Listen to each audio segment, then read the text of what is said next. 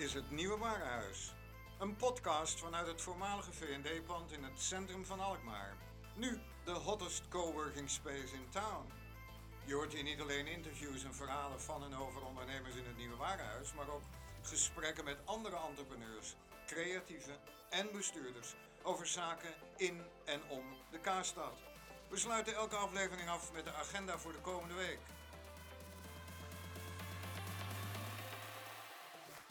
Learning lunches, meetups en events. Heb jij nieuws te melden over een event of je eigen business? Stuur een mail aan podcast.hnwalkmaar.nl Adverteren kan ook. Mijn naam is Luc en te gast in de negende aflevering van HNW Podcast is Lise Paaskezen. Eindelijk een vrouw! Ja, is dat zo? Ben ik de eerste vrouw? Wel, Flip. niet de eerste vrouw. Ehm, we hebben in aflevering 1 of 2, zeg ik uit mijn hoofd, eh, hebben we ehm, eh, de, een van de oprichters van HW Podcast gehad. Ehm, en daarna is het eigenlijk behoorlijk vrouwloos gebleven. Eh, Wat dus zonde. Nou, vandaag gaan een we- goed verhaal. Dat, dat, gaan we, dat gaan we nu helemaal goed maken.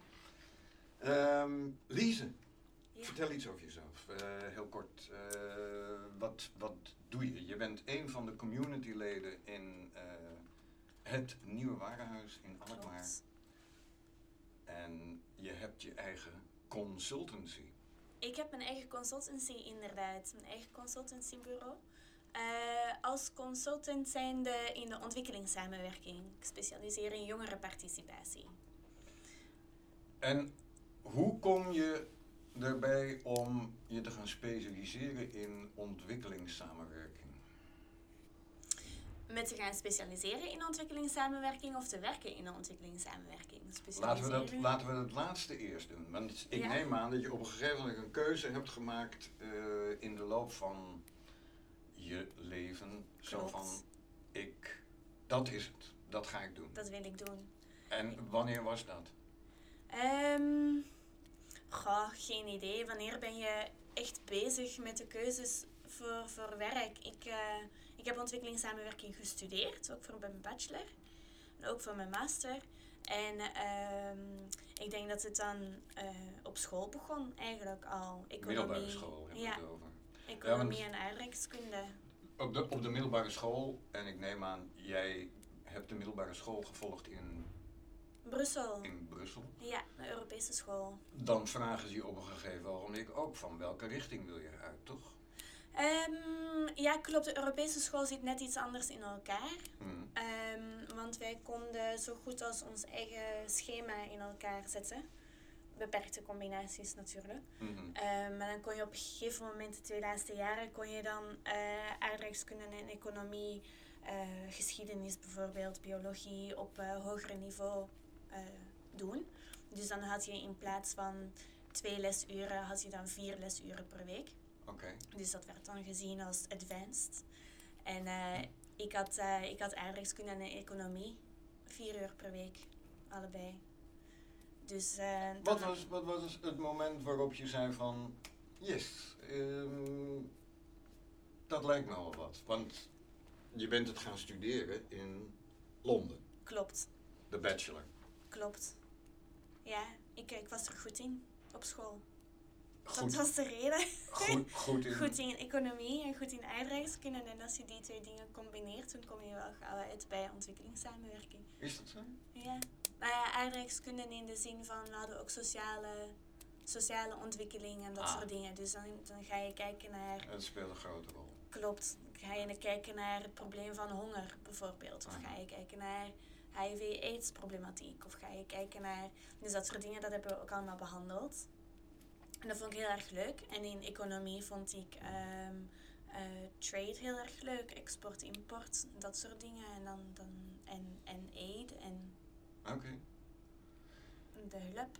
Vond ik heel erg interessant. Dus dan, eh, Bachelor in, in Londen gedaan. Klopt. Ehm, kan je daar nog iets over vermelden? Was, ben je daar nog, is daar nog iets ehm, qua opleiding voor eh, gekomen waardoor je zegt van ja, ik ga ook door voor de master, die je weliswaar niet in eh, Londen hebt gedaan, maar Den Haag? In Den Haag inderdaad, ja. Ik was op zoek naar... eh, ik wou heel graag een master doen, sowieso. Ik was nog niet klaar om te gaan werken. Ik wou nog verder studeren.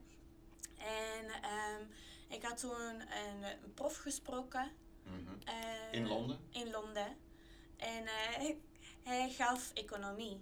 Mhm. En ehm, hij stelde voor om even naar het ISS te kijken in Den Haag.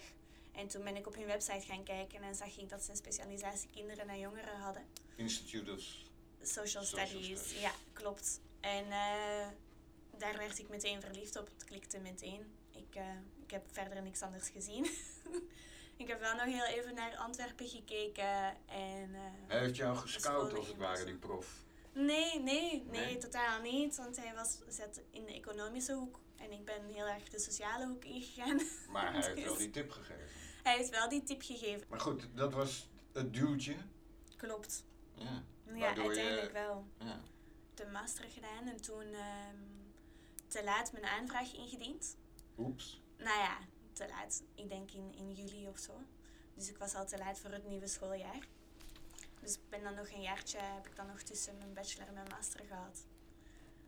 Hoe heb je dat ingevuld? Gewoon ik heb, eh, ik heb bij Esprit of- gewerkt. bij Esprit? Esprit. Ja, Ja. Esprit als in... in Leuven. Als in de klerenwinkel. als in de mode... Ja. Ja. Oké. Ja, op de vloer als verkoopster. Aha. Heel veel kleren gevouwen. Heel veel kleren gevouwen. het zit nog steeds in mijn vingers. en ik heb daar gewerkt en toen heb ik nog een, eh, een stage gedaan in Noord-Oeganda voor een kleine organisatie. Ja, Een kleine organisatie. ja, een heel kleine organisatie. Een heel klein lokale, lokale organisatie. was heel erg leuk. Je, bent, eh, je hebt je master gedaan. Wat was je scriptie? Je, Ehm, mijn scriptie was de integratie van ehm, kindsoldaten.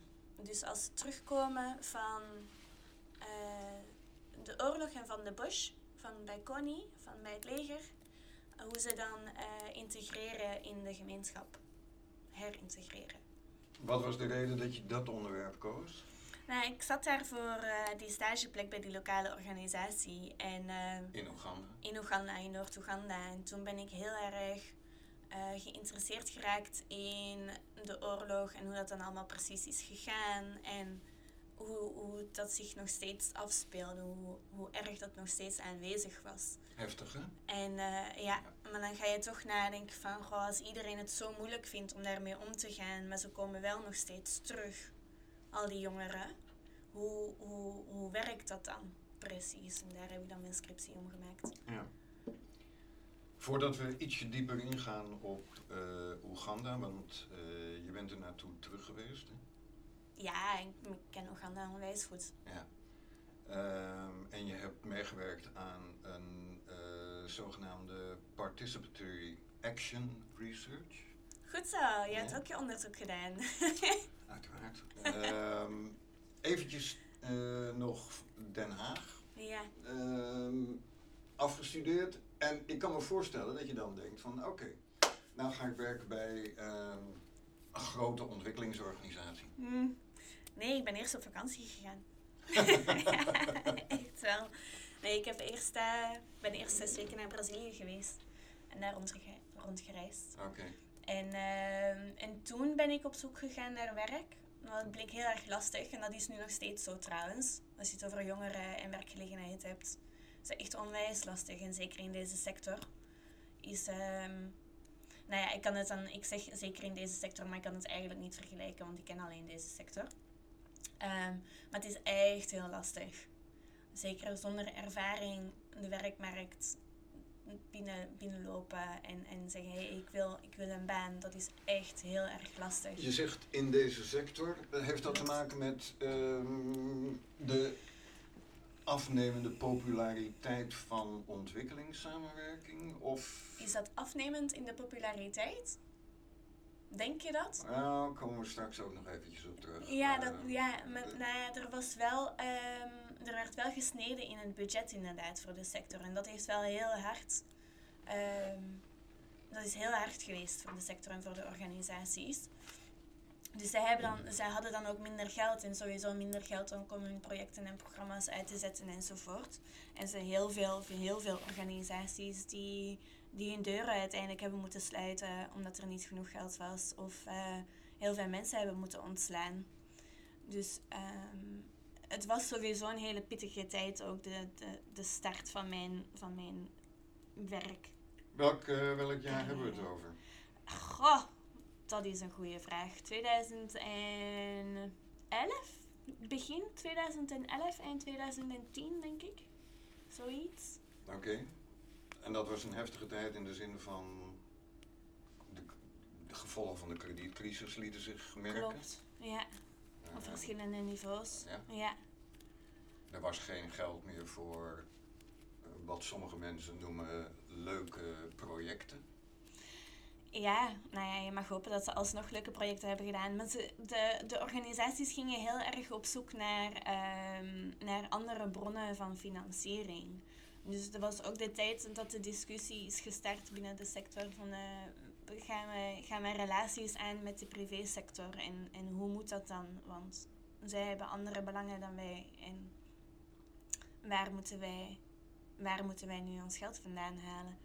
Dus dat is echt een heel, heel erg moeilijke tijd. En dat is trouwens, naar mijn idee, ook het moment waarop de hele stage uh, en internship um,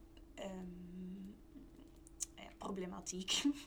ik heb een neiging om problematiek te zeggen, omdat dat ook echt heel erg groot is geworden. En uh, dat heel veel organisaties eigenlijk zijn gaan draaien op interns gewoon stagiaires hebben ingezet om, om een deel van hun werk te gaan doen. Omdat zij het zelf niet konden, zij er zelf de, man, de mankracht niet voor hadden. Nou, dat zie je meer sectoren terug hoor. Klopt, klopt. Dat, is ook zo. Dat ja, zie je ook absoluut. in de mediasector. Absoluut. Ja. ja. Uh, en uh, ik, ik vind het, ik vind, ergens vind ik het ik vind het wel heel erg fijn omdat ik het zelf ook heb gedaan. Ik heb zelf ook een stage gedaan en daaruit is ook werk gekomen, echt een betaald contract uitgekomen en dan an, ondertussen anderhalf jaar bij die organisatie gewerkt voordat ik uh, daar gestopt ben. Welke organisatie was? WPP. Oh. Heeft ondertussen ook hun deuren gesloten, trouwens, omdat ze geen financiering konden krijgen. WPP, in de, kunnen we dat eventjes uh, voor de luisteraars... Uh... Women Peacemakers Program. Oké. Ja, veel destijds nog onder IFOR. Um, en uh, zij zijn toen, net nadat ik daar ben weggegaan, zijn zij onafhankelijk geworden van IFOR. En zijn zij naar Den Haag verhuisd.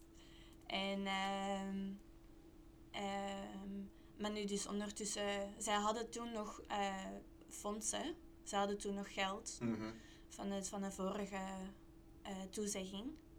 Um, maar dat liep toen af. Toezegging van welke bron? Buza. Buitenlandse zaken. Ja, dacht het wel. Voordat we in allerlei uh, jargon uh, verzeild raken hè? en allerlei ja. uh, afkortingen waarvan mensen denken van... ja, klopt. En we moeten ook niet te lang ehm, zeg maar stil blijven staan bij um, nou ja, de structuur van het ontwikkelingswerk, want het gaat over Lise. En Lise is in 2011 dus aan haar eerste job begonnen. Klopt. In het ontwikkelingswerk. Ja. Um, dat was bij Women Peacemakers Program? Ja. En dat heeft anderhalf jaar geduurd. En toen? En toen, toen moest ik heel erg gaan nadenken, wat wil ik nu? Toen ik bij WPP werkte nog, uh, wij gaven jaarlijks gaven wij publicatie uit. En uh, ik heb toen dat jaar dat ik er uh, effectief aan had meegewerkt, um, hebben wij ook jongeren gedaan. Jongerenvrede en gender. En um, ik vond het echt zo leuk dat ik ook echt dacht van... En ik ging er ook meer en meer voor pleiten steeds dat we iets met jongeren moesten doen binnen WPP. En ze gaven me op zich wel gelijk, alleen daar was geen geld en geen tijd voor. Um, dus toen heb ik dat daarna maar gedaan. toen heb je dat daarna maar gedaan? Ja. Je bedoelt, toen ben je voor jezelf begonnen of... Ik was op zoek in eerste instantie naar gewoon werk. Mm -hmm. um, maar nogmaals, het was zo ontzettend lastig. En uh, voor functies waar je met 200 mensen moest ehm, tegen, tegen je had. Concurreren. concurreren, dankjewel. En ehm, eh, ja, het was, gewoon, het was gewoon bijna onmogelijk. En toen, ehm, ik was alsnog, ik ben echt lang, heel lang blijven zoeken. eh, nog, maar toen kwam ik een consultant tegen. En eh, heel kort gehouden hoor, het verhaal. Maar zij, zij zaten eh, in de... In, zij zaten in de problemen met een, met een project, want zij konden hun doelen niet halen wat ze hadden beloofd. En hun doelen waren heel erg kwantitatief. Nu heb je het over jongeren. Jongeren die in heel veel eh, ontwikkelingslanden 50, 60 procent van de bevolking uitmaken. En toen zei ik, heb je dan aan jongeren gedacht? En ehm, dat was het begin. Je boorde een goudader aan. Ja, eigenlijk wel. Ja, en zij zijn nog steeds mijn klant. Dus dat is nog steeds mijn vaste klant. Dus eh, mijn beste klant. ja, is, dat, is, dat is echt een heel mooi begin. Het heeft alsnog een, een ik denk, anderhalf jaar geduurd eer dat ze een betalend, betalende opdracht aan me doorgaven. Maar ik, eh, dat was wel het begin. Je had als het ware je roeping gevonden. Ehm, toch? Roeping. nou, Ja, misschien wel. Ja. ja, ik bedoel... Ik ben er wel nog Je steeds. specialisme, dus ik laten we het zo zeggen. Ja. Dus je, je specialisatie. Ehm, jongeren, gender. ehm, hoe zou je het zelf verder nog omschrijven? ja, jongerenparticipatie. Ja. Ja, het ligt wel heel erg dicht, bij, bij gender, klopt. Want Ik, ehm, ja, ze hebben wel heel veel gemeen, die twee sectoren. Alleen, ik zit hem wel echt in de jongerenparticipatie. Mijn hart en mijn passie gaat uit naar jongeren. Is dat makkelijk in eh, landen waar je naartoe bent geweest? Want je bent voor je stage naar Oeganda gegaan. Wat was je tweede eh, bestemming? Nadat je bent gaan werken. Hoe, hoe ben je op een gegeven ogenblik... eh, want je bent in meerdere landen in Afrika geweest. Klopt. Dus ik moet heel erg nadenken wat mijn tweede bestemming was. Nou. Ik heb geen idee. Nou ja, dan, was dat niet Kenia of zo? Volgens mij was het Ah. Kenia. Ja, voor een onderzoek. Oké. Ik dacht het wel. Ik dacht En het wel. Ehm, wat, wat zijn je bevindingen dan eh, qua jongerenparticipatie? Is, moet dat daar echt helemaal opgezet worden? In dat soort landen? Bestaat dat al? Hmm, bestaat dat al? Ehm goh, wat een lastige vraag. Ik, eh, Nou. jongeren, jongeren worden in het algemeen niet meegenomen in beslissing, in Hm. beleidsmaken. En dat is het fundamentele probleem. En dat is ook hetgeen waar ik, ehm, waar ik, waar ik wel een verandering in probeer te brengen. Daar komt het op neer.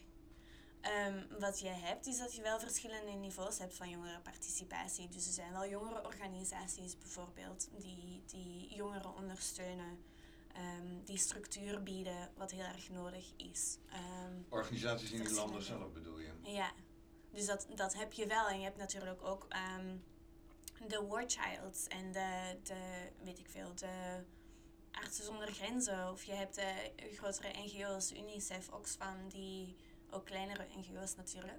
Maar die, die jongeren ook mogelijkheden, mogelijkheden bieden om te leren of met Mhm. elkaar in gesprek te gaan. En dat is ook een deel jongerenparticipatie.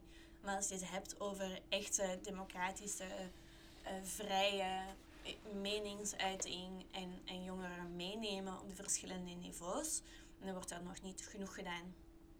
Nou is jongerenparticipatie natuurlijk een prachtig woord. Eh, drie keer woordwaarde, als je het eh, drie keer letterwaarde, eh, als je het in eh Scrabble gebruikt. Maar wat houdt dat in, joh? Jongerenparticipatie. Jij komt in Kenia, ik noem maar wat, hè? of in Oeganda, of je bent laatst in Marokko geweest, daar komen we misschien straks ook nog even op Mhm. terug. En dan ga je dan zeggen van, joh, Ik ben er. participeren. ik ben er. Kom met mij praten, groot bord. Consultancy. Ehm, nee hoor, nee, ik, ehm, ik heb natuurlijk een opdracht als ik daar aankom. Dus ik heb altijd wel mijn doelen. En eh, de opdracht is altijd wel heel erg specifiek. Dus het is vaak een, een onderzoek of een evaluatie. Van, van iets, van een project of van een programma. Dus dat project of programma heeft iets proberen te doen en dan moet ik dan nagaan of dat het effectief zijn doelen heeft bereikt. En dat heeft dan iets met jongeren te maken in mijn geval. Mhm. Of iets met jongerenparticipatie, of iets ter verbetering van, of iets ter versterking van, of zo. Eh, dus dan, dan, dan moet ik dan proberen na te gaan van hoe en wat. Eh, voor het onderzoek wat ik momenteel aan het doen ben, is het om te kijken van hoe werkt dat dan precies. Dus we hebben een heleboel open vragen en dan moeten wij dan die vragen proberen te beantwoorden. In de zin van wat, wat is er, hoe werkt het, werkt het effectief, Ehm, ehm, waar hebben jongeren nu nog nood aan, waar, waar kunnen wij iets voor hun betekenen en in welke zin. Dat is heel erg breed uitgelegd, maar daar komt het, daar komt het wel op neer. Dus moeten wij daarna nog in dialoog gaan Met? met instanties in het land zelf om te kijken of zij ook effectief iets willen doen, iets willen betekenen. Wat het dan zou moeten Laten we zijn. het iets concreter maken. Ja. Want het blijft nu vrij abstract. Noem eens een, eh, noem eens een concreet project waarvan je, denkt, waarvan je zegt van ja, dat is een geslaagd project geweest. Of nog steeds. Als het echt geslaagd project was geweest, dan was de wereld een veel beter en mooier plek geweest dan dat het nu nog steeds is. Nee, ik denk een, een project kan hele mooie dingen mm, doen en veroorzaken. Alleen een, een, een heel succesvol project bestaat niet. Er zijn altijd wel punten waar je op kan verbeteren of waar je nog op moet verder bouwen. En dat is alleen maar goed. Want het betekent dat er nog meer mogelijkheden zijn. Het klopt dus wel, hè? Dat, eh, er, staat eh, op je website dat jij vanuit een kritisch perspectief eh, Klopt. naar projecten kijkt. Klopt. Ehm, en dat hoor ik ook wel in je antwoorden doorklinken. Ja. Ehm, wanneer loopt een project volgens jou goed? als ze effectief ehm, iets betekenen voor de jongeren en de jongeren ehm, zich zodanig ondersteund voelen dat zij kunnen doen wat zij willen doen. En dat is heel erg lastig, want een project, ehm, en daar zit ook heel veel politiek van de sector in, een project heeft een beginpunt en een eindpunt. En heeft op dat eindpunt heeft hij een bepaalde, bepaalde doelen die ze moeten bereiken. Mhm. Eh, en dat is, dat is afgesproken met de donor, dat is afgesproken met de partners in het land. Daar zit heel veel politiek achter en heel veel contracten zitten daar achter en heel Geef eens een veel voorbeeld geld. van een einddoel. Ehm, empowerment is toch vaak wel een einddoel. En hoe bereiken we dat? Ja, goede vraag. Want empowerment is heel erg moeilijk te definiëren. En dat hangt ook heel erg van, eh, dat is heel erg subjectief. Stemrecht zou ik zeggen. Dat kan. Ja, dat kan. Dus dan heb je politieke empowerment. En dat is dan weer heel erg specifiek, stemrecht. Oké, empowerment eh, is een einddoel van een project. Vaak wel, ja. Ja. Ja. Ehm, nou ben je naar Oeganda geweest. ja. Integratie van kindsoldaten. Wat is daar dan een einddoel, bijvoorbeeld? Dat was onderzoek. En dat was mijn scriptie. Dus was daarvan was script- het einddoel afstuderen. Heb ik ook gehaald. maar je, dat marktonderzoek en productontwikkeling, dat is later geweest, neem ik aan. Dat is inderdaad later geweest, ja. Dat hebben we in ehm, een, een, stukje, nou, een stukje in Kenia gedaan en een stukje in Oeganda gedaan. Ja. Ehm, en in Kenia was het eerder eh, kijken naar een product wat niet goed werkte. Wat was dat? Nou, dat was een, eh, een, een rekening, een spaarrekening van een bank. Oké, ze Die- moeten leren omgaan met sparen. Nou, de, het, het was anders, want daar zat geen leer... leer eh, Curve. cur- nou, daar zat geen leercomponent in. Oké. Dus het was effectief gewoon een product, een spaarrekening, die zij in veelvoud hadden verkocht aan de jongeren, maar die niet werd gebruikt. En dus zijn wij daarin ge- ingegaan met het idee van, nou, laten wij dan met de jongeren gaan praten, want dat was nog niet gebeurd. Laten wij dan met hen gaan praten om te kijken waarom het voor hun dan niet werkt. En waar had dat mee te maken? Hadden, omdat ze te weinig geld hadden of wat? Nou, de kaarten werden niet afgegeven. Nee, jongeren hebben, jongeren hebben geld. Jongeren sparen. Jongeren gaan heel goed om met geld. Dat weten wij Ook in Kenia? ook. Ook ja, in- ook in Kenia, Ook absoluut. In, ook in Oeganda. Ja. Oké. Ja, ja, ja. De arme mensen zijn een van de betere spaarders. Waar spreken we over qua inkomen voor een eh, jongere? Kan je daar iets over zeggen? Ja, ik ben helemaal niet goed in getallen, dus ik vergeet die dingen altijd heel snel. Ehm, maar je hebt het wel over zo, ehm, de, de lage. Als je, als je kijkt Hm. naar de, de klantenbasis van een bank, dan zitten jongeren wel vaak aan de lagere kant. Dat wel, maar ze zitten er wel in en dat is al heel veel. Hebben ze allemaal een mobiele telefoon inmiddels? Ehm, niet allemaal.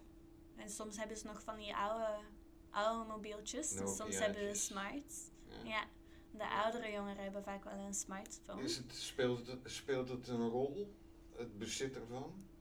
Dat is status, dat is zeker een statussymbool. ook Ook een beetje afhankelijk van waar je precies bent. Ja. Maar dat is zeker een statussymbool, absoluut. En als, als je geen mobiel hebt, dan heb je vaak gewoon een simkaart. En dan stop je die in iemand anders zijn telefoon en dan kan je die even gebruiken en dan haal je die er weer uit. Ja. En zo werkt het ook. Ontwikkelingssector, eh, verschillende projecten. Je bent laatst in Marokko geweest. Wat was het doel van het bezoek aan Marokko? Ja, nu zitten we wel heel erg in de financiële kant. Dus nu lijkt het alsof ik alleen maar een financiële inclusie doe van jongeren. Ehm, nee, dat eh, dus voor diezelfde klant, die hele goede klant waarmee ik ook ben begonnen. Eh, ja, eh, zijn wij onderzoek aan het doen in drie landen, in Nigeria, Marokko en Senegal. Om te kijken ehm, eh, hoe geld precies binnen een familie of binnen het gezin ehm, werkt. En natuurlijk vanuit het perspectief van de jongeren. Dus waar krijgen zij geld van? Van wie krijgen zij geld? Waar geven zij geld aan uit? Ondersteunen zij ook andere mensen binnen het gezin enzovoort? Want binnen de sector, binnen de financiële sector, weten wij precies wat er ingaat. En we weten ook wat er uitgaat, maar we weten niet wat er tussenin gebeurt. En daar gaat het onderzoek nu over. Dat is het eerste deel van het onderzoek. En het tweede deel van het onderzoek is welke structuren en ondersteuning er is voor jonge ondernemers in die landen. Om een beetje de cirkel rond te maken, we zeiden in het begin van nou die ontwikkelingssector die is eigenlijk helemaal niet zo populair meer. Hè? Ehm, tenminste, de fondsen zijn eh, in, de, Het is lastig. Het is heel erg in lastig. de afgelopen Ja, En dat verandert ook de 10, 20 politiek Ja. binnen de sector. En de neiging binnen de politiek is om te zeggen van nou, zo langzamerhand moeten die landen maar eens op eigen benen gaan staan. En in dat kader is zo'n onderzoek naar hoe de financiële verdeelsleutel binnen gezinnen ligt natuurlijk wel interessant. Zie je daar een bepaalde correlatie eh, tussen het feit dat er wordt gezegd van ja, wij moeten als westerse samenleving niet meer zoveel geld die richting uitsturen, want eh, het verdwijnt toch alleen maar in hele grote zakken. En en ehm, zeg maar de, de, de, de financiële ontwikkeling van gezinnen in die landen. Gaat het, gaat het beter in die landen? Wel, wel eh, qua welvaart? Worden, worden, dit, worden gezinnen rijker? Welvarender? Goh, nu heb je het over ehm macro-ontwikkeling. Nou, ja. Ehm, ja, je mag wel hopen dat we iets, iets goed doen. Ehm, dat klinkt... Dat ja, klinkt klopt. Ja, goh, ik weet niet zo goed hoe ik op, op deze vraag moet antwoorden. Ik, ik kan dat niet zo snel. Ik kan dat niet zo wat, snel. wat, zijn je, wat zijn je ervaringen? Van, je, bent, je komt, je komt Nou, nu zo... nu, wij zijn nu bezig met een onderzoek. En in onderzoek ben je nog geen interventie begonnen. Dus qua interventie zien wij nog geen verandering. Want daar zitten wij nog niet. Dus in onderzoek doe je in principe doe je eerst onderzoek en dan ga je met jongeren en met anderen ga je een interventie ontwikkelen. Dan doe je die interventie en dan rol je die uit.